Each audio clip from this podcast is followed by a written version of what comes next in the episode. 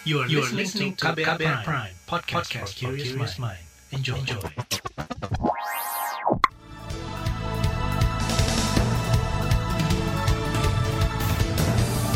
Selamat pagi saudara, senang sekali kami bisa menyapa Anda kembali melalui program Buletin Pagi untuk edisi awal pekan Senin 27 September 2021 bersama saya Agus Lukman.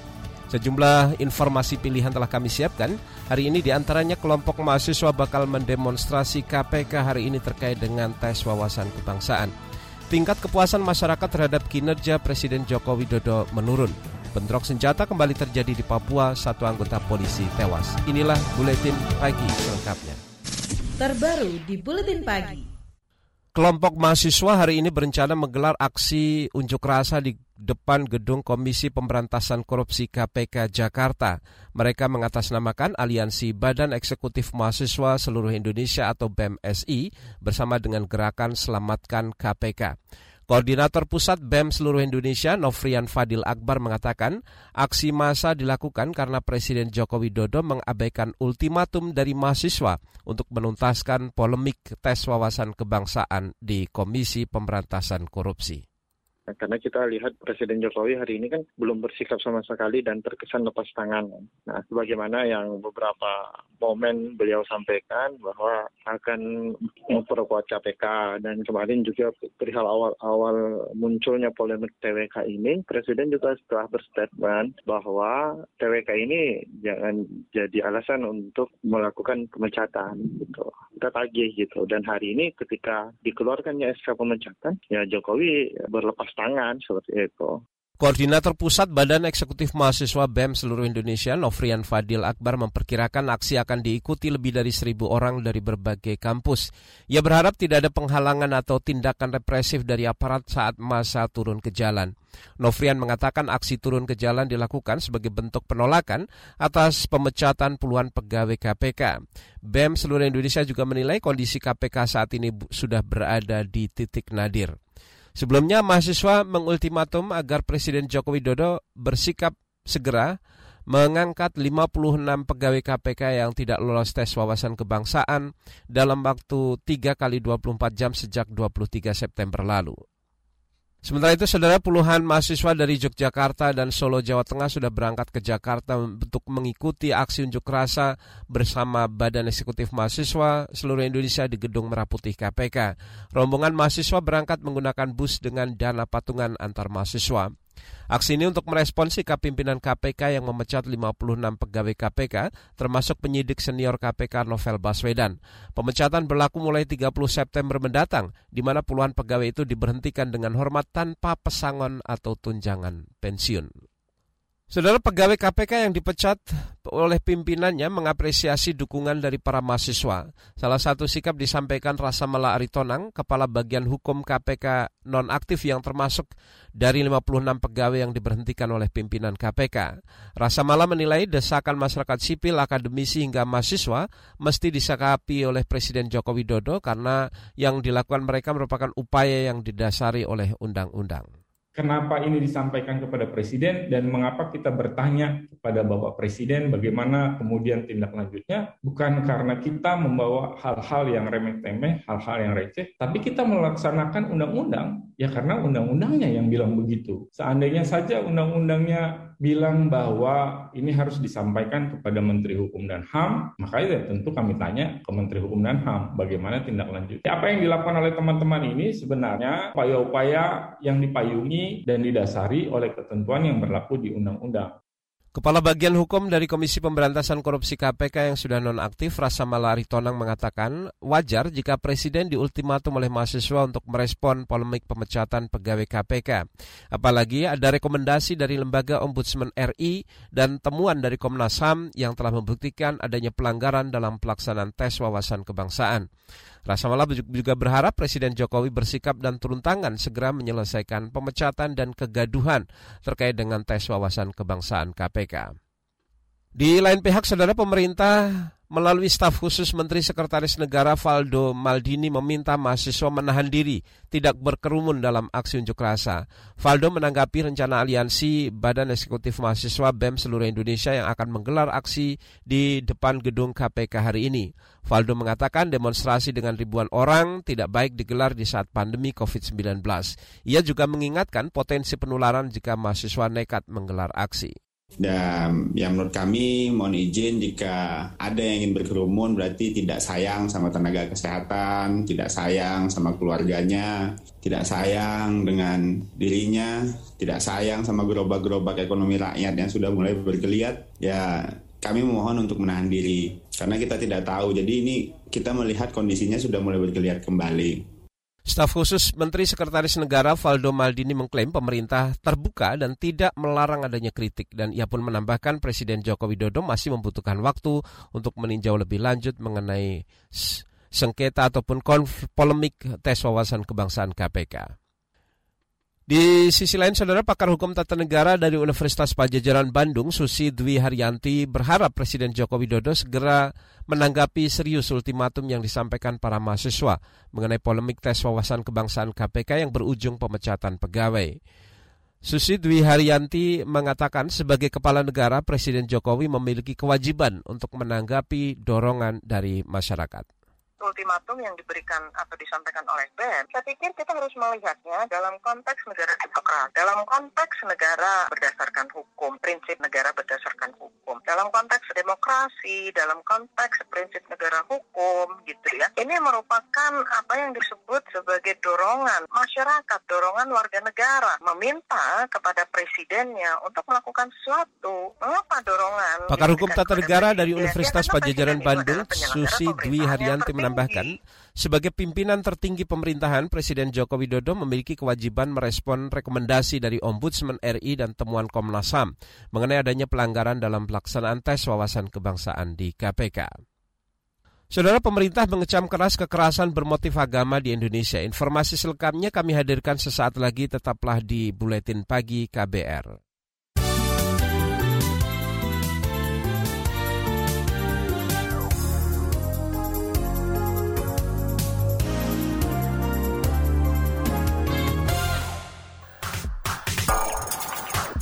You're listening to KBR Pride, podcast for curious mind. Enjoy!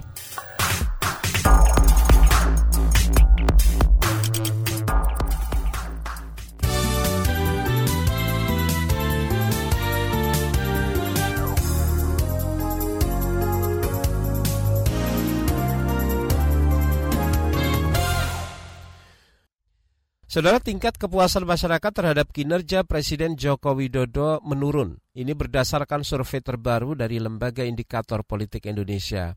Direktur Eksekutif Indikator Politik Burhanuddin Muhtadi mengatakan ada sekitar 58 persen warga menyatakan puas dengan kinerja Presiden Joko Widodo. Namun tingkat kepuasan masyarakat ini turun dibandingkan sebelum pandemi melanda Indonesia kalau kita lihat gelas tengah kosong, tren penurunan ini belum berhenti dibanding sebelum pandemi. Sebelum pandemi itu eh, sekitar 72-70 persen yang puas terhadap kinerja presiden. Nah, jadi trennya masih turun. Ya. Direktur Eksekutif Lembaga Indikator Politik Indonesia Burhanuddin Muhtadi menambahkan, tingkat kepuasan masyarakat terhadap demokrasi di Indonesia juga menurun. Jika, jika sebelumnya tingkat kepuasan terhadap demokrasi di Indonesia sebesar 60 persen, kali ini menurut survei terbaru turun menjadi 44 persen. Burhanuddin mengatakan turunnya tingkat kepuasan masyarakat terhadap demokrasi salah satunya disebabkan adanya penangkapan aparat terhadap seorang petani di Jawa Timur yang sedang menyuarakan harga jagung turun ketika kunjungan Presiden Joko Widodo. Kita ke informasi lain, Kementerian Politik Hukum dan Keamanan meminta aparat kepolisian menjaga rumah-rumah ibadah dan tokoh agama. Ini disampaikan Menko Polhukam Mahfud MD menyikapi rentetan penyerangan terhadap tokoh agama dan rumah ibadah. Di antaranya penyerangan dan penembakan ustadz di Batam dan Tangerang hingga pembakaran mimbar masjid di Makassar. Saya juga sudah memerintahkan kepada aparat di pusat dan di daerah untuk meningkatkan pengawasan, meningkatkan kesiapsiagaan untuk menjaga keamanan dan membangun harmoni di tengah-tengah masyarakat. Saya minta juga agar rumah-rumah ibadah dijaga, diamati dengan sungguh-sungguh tokoh-tokoh agama, fasilitas keagamaan, fasilitas publik lainnya Menko Polhukam Mahfud MD mengatakan pemerintah juga mengecam dan mengutuk insiden-insiden penyerangan terhadap para tokoh agama dan ia juga meminta aparat mengusut peristiwa itu secara terbuka dan tuntas. Kita beralih ke informasi COVID-19 di Indonesia. Saudara kalangan ilmuwan di tanah air memetakan penanganan COVID-19 dilihat dari ledakan di gelombang kedua pada pertengahan tahun lalu. Ahli epidemiologi dari Universitas Indonesia, Pandu Riono mengatakan pemetaan itu dilakukan agar tren kasus COVID-19 di Indonesia tidak lagi naik turun. Ini teman-teman, beberapa teman-teman dari aliansi ilmuwan kita membuat tiga apa tiga tahapan bagaimana mengatasi pandemi ini. Kita nggak mau uh, terjebak dalam pandemi naik turun kemudian lama turun kemudian nanti naik lagi turun lagi itu lebih lebih lebih menderita. Epidemiolog dari Universitas Indonesia, Panduriono mengatakan ada tiga fase penanganan wabah COVID-19, yaitu fase mitigasi, fase pemulihan, fase normalisasi, dan pemulihan. Fase pemulihan ini merupakan fase terberat karena semua orang mulai mengabaikan keberadaan virus. Hingga kemarin, saudara, kasus positif virus corona di Indonesia bertambah 1.700-an kasus dan 80-an kematian. Sedangkan total kasus aktif mencapai 42.000 orang dan jumlah spesimen yang diperiksa sekitar 200 ribu spesimen. Kita ke informasi ekonomi, saudara. Target pertumbuhan ekonomi hingga 5 persen pada ta akhir tahun ini dikhawatirkan bakal sulit tercapai. Menteri Investasi sekaligus Kepala Badan Koordinasi Penanaman Modal BKPM, Bahlil Lahadalia mengatakan target 5 persen cukup berat ditembus. Apalagi Indonesia sempat dihajar lonjakan varian Delta di gelombang kedua COVID-19. Dan keyakinan kami, kalau kami dari Kementerian Investasi, pertumbuhan ekonomi nasional kita di 2021 akhir itu tetap masih potensi uh, apa namanya tumbuhnya itu di 5% sih agak berat ya. Kalau saya ya, kalau di akhir tahun 5% harus saya fair lah. 5% agak berat. Tapi kalau sampai dengan 4 itu masih optimis saya. 4 sampai 4,3 masih optimis saya. Menteri Investasi Bahlil Lahadalia menambahkan ekonomi tanah air yang sempat tumbuh positif, positif 7,07 persen di kuartal 2 tahun ini kembali terguncang akibat gelombang kedua COVID-19. Ditambah lagi kebijakan pengetatan yang membuat sejumlah kegiatan ekonomi dan mobilitas masyarakat terbatas. Kita ke informasi olahraga, saudara. Laga perdana cabang olahraga sepak bola di Pekan Olahraga Nasional PON ke-20 di Papua akan menyajikan pertandingan Super Big Match antara tuan rumah Papua melawan juara bertahan Jawa Barat pada hari ini. Pertandingan yang digelar di grup A ini akan berlangsung di Stadion Mandala, Kota Jayapura. Pertandingan ini menjadi kesempatan bagi Papua untuk membalas kekalahan mereka pada PON Jawa Barat lima tahun lalu. Papua saat ini dijagokan menjadi salah satu kandidat peraih medali emas di cabang sepak bola PON ke-20. Cabang sepak bola di PON 20 hanya diikuti 12 kontestan yang dibagi dalam tiga grup masing-masing yaitu Papua, Jawa Barat, Maluku Utara, dan NTT. Sedangkan Jawa, Bar Jawa Timur, Sumatera Utara, Jawa Tengah, dan Sulawesi Utara ada di grup B, dan Kalimantan Timur, Aceh, Sulawesi Utara, dan Bengkulu berada di grup C. Kita ke informasi mancanegara, saudara puluhan biksu Buddha pro-demokrasi di kota Mandalay, Myanmar menggelar aksi turun ke jalan menentang kudeta militer pada akhir pekan lalu. Dikutip dari AFP, demonstrasi ini bertepatan dengan peringatan 14 tahun aksi massa para biksu di kota di Myanmar. Para biksu juga meneriakkan pembebasan tahanan politik termasuk Aung San Suu Kyi yang menang dalam pemilu presiden pada November tahun lalu. Namun kudeta juga membuat perpecahan di antara para biksu. Beberapa biksu memberi restu kepada para jenderal sementara yang lain mendukung unjuk rasa. Di bagian berikutnya, saudara kami hadirkan laporan khas KBR bertajuk Akses Pendidikan untuk Asa Masa Depan Anak-anak Pemulung di Indonesia. Nantikan sesaat lagi. You're listening to KBR Pride, podcast for curious mind. Enjoy!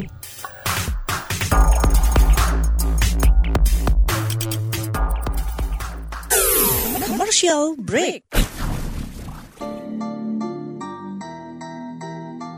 Come on yo, buat yang sukanya berhoax, you better listen to this one. Check this one out yo. Hati-hati kalau baca kabar Hoax.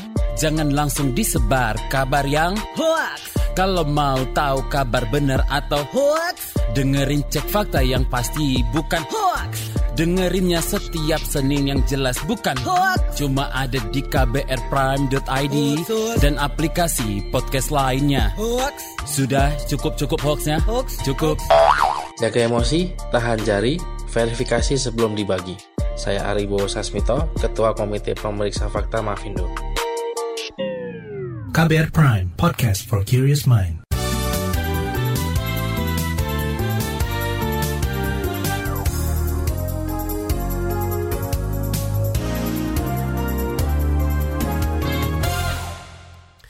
Terima kasih saudara Anda masih bersama kami di Buletin Pagi KBR. Saudara, situasi pandemi makin mempersulit akses pendidikan bagi kalangan miskin kota seperti dialami puluhan anak pemulung di kota Makassar, Sulawesi Selatan. SD, SD Islam Impian tempat mereka belajar terpaksa tutup selama setahun terakhir.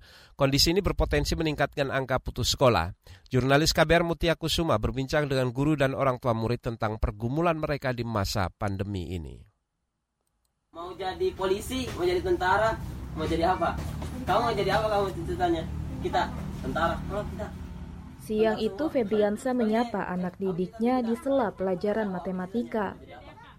Sekitar 10 bocah duduk lesehan mengelilingi meja persegi beralaskan lantai bambu. Mereka adalah anak-anak pemulung di Kampung Savana, Kota Makassar, Sulawesi Selatan yang bersekolah di SD Islam Impian. pandemi di sini belajarnya, kan tidak boleh ke sekolah belajar. Kita belajarnya di sini. Febriansa merupakan pendiri SD Islam Impian. Menurutnya, musim pagebluk COVID-19 memaksa aktivitas belajar mengajar digelar di beranda rumah-rumah warga. Pengajaran tatap muka tetap berjalan secara bergiliran karena ketiadaan gawai untuk sekolah daring. Tujuh. Tuh, tujuh. Ah, ada yang bisa baca ini? Para murid dibagi dalam kelompok kecil, sekitar 10 anak guna menghindari kerumunan. Ada yang kita bagikan tugas, ada yang misalnya kita kumpulkan di satu rumah, rumah siswa. Contohnya tadi begini, karena kalau kita berharap bahwa e, mau belajar melalui online, bisa dibilang tidak bisa. Karena jangankan online, belajar melalui HP saja itu dia tidak punya HP orang tuanya. Kasihan sih dia tidak punya HP. Itu tadi Mirnawati, kepala sekolah SD Islam Impian sekaligus wali kelas 1. Kata dia, pandemi memberi banyak tantangan baru dalam mendidik anak-anak pemulung. Metode memberi tugas sebagai pekerjaan rumah tak berjalan optimal. Pasalnya, itu mensyaratkan peran aktif orang tua dalam membantu anaknya belajar. Orang tuanya saja yang ini eh, tidak tahu mengenal apa itu huruf, apa itu angka. Kami memberikan tugas atau PR untuk anaknya eh, dengan harapan kami orang tuanya bisa membantu dan ternyata orang tuanya pun tidak bisa. Selain itu, sebagian anak balik ke kebiasaan lama. Mereka kembali ke jalanan untuk ikut memulung bersama orang tua. Padahal kebiasaan ini dengan susah payah dikikis sejak keberadaan SD Islam Impian pada 2017 silam. Ini dia kebanyakan libur, libur dan mungkin keenakan di rumah meskipun kita kasih tugas setelah dia kerjakan tugasnya dia kembali ke aktivitasnya, pergi mulung. Iya dan Pihak sekolah juga harus meyakinkan orang tua agar bersedia mengizinkan anaknya mencari ilmu bukan barang bekas. Nama saya Linda, orang tua murid dari Sekolah Impian kelas 4. Sehari-hari saya memulung selag, eh, biasa. Linda mendukung anaknya bersekolah ketimbang ikut memulung. Diakuinya, selama pandemi ritme belajar agak mengendur. Namun, ia tetap memotivasi sang anak untuk konsisten belajar. Sebab, sekolah tak hanya memberi anaknya pendidikan, tetapi juga lingkungan yang positif. Lebih baik dan lebih disiplin, cara bicara dengan orang tua. Iya, lebih sopan, lebih baik dari sebelumnya. Karena awalnya berkeliaran, lebih banyak terpengaruh sama anak-anak. Keberadaan sekolah memberi Linda harapan anaknya punya masa depan gemilang. Ia bercerita, sang anak bercita-cita ingin menjadi guru. Semoga saja dia bisa menjadi lebih yang lebih baik lagi, berbakti sama orang tua, bisa membantu orang lain. bisa juga berbagi ilmu kepada yang tidak mampu kelak. Pendiri SD Islam Impian Febriansa mengisahkan beratnya memahamkan orang tua seperti Linda agar mengizinkan anaknya sekolah. Jerih payah Febriansah dan rekan-rekannya membuahkan hasil. Awal mula berdiri, mereka mendidik sekitar 50 anak tanpa dipungut biaya. Kala itu, sekolah hanya berupa bangunan sederhana berukuran 5 kali 5 meter, terbuat dari bilah-bilah bambu. Dan sampai sekarang kita sudah membuka dua sekolah khusus anak-anak pemulung, yaitu ada sekolah impian satu yang ada di Hertasning dan sekolah impian dua yang ada di Adiaksa. Uh, jumlah murid di sana baru sekitar 20 orang. Dan Alhamdulillah saat ini uh, ada donatur yang tersentuh hatinya mewakafkan hartanya sekitar satu miliar untuk membangunkan sebuah sekolah untuk kami. Febri dan rekan-rekannya menolak kalah dengan pandemi. Sekolah harus tetap berjalan untuk memberi akses pendidikan layak bagi anak-anak pemulung. Semoga sekolah kami menjadi inspirasi untuk lembaga-lembaga lainnya untuk mendidik anak-anak Indonesia, khususnya anak-anak pemulung. Semoga anak-anak kami kelak menjadi pemimpin-pemimpin Indonesia. Demikian Saga KBR, saya Mutia Kusuma Wardani.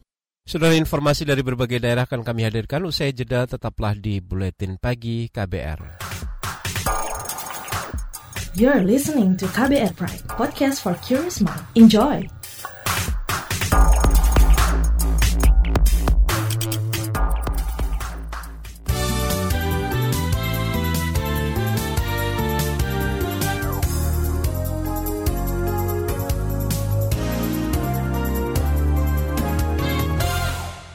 Saudara kita berada di bagian akhir buletin pagi KBR hari ini.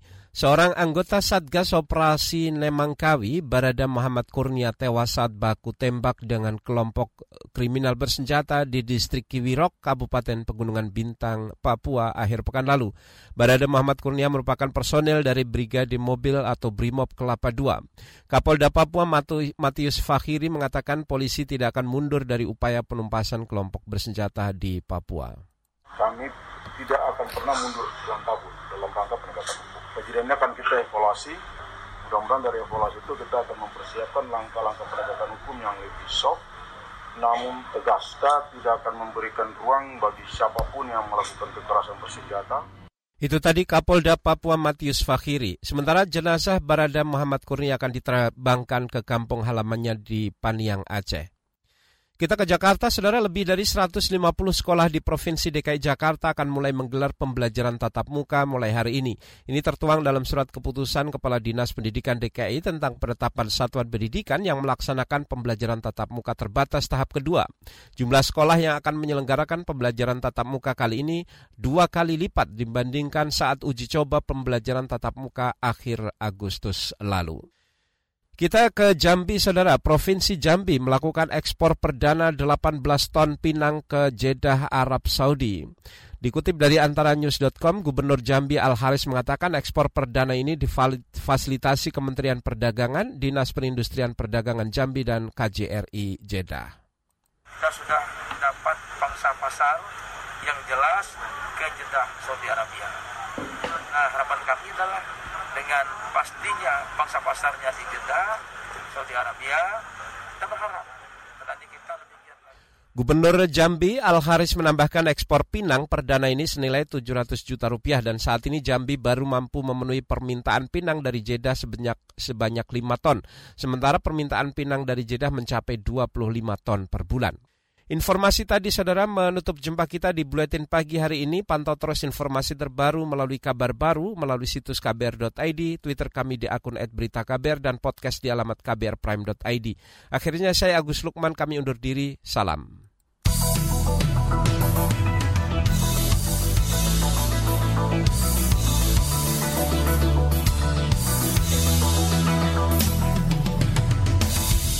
KBR Prime, cara asik mendengar berita.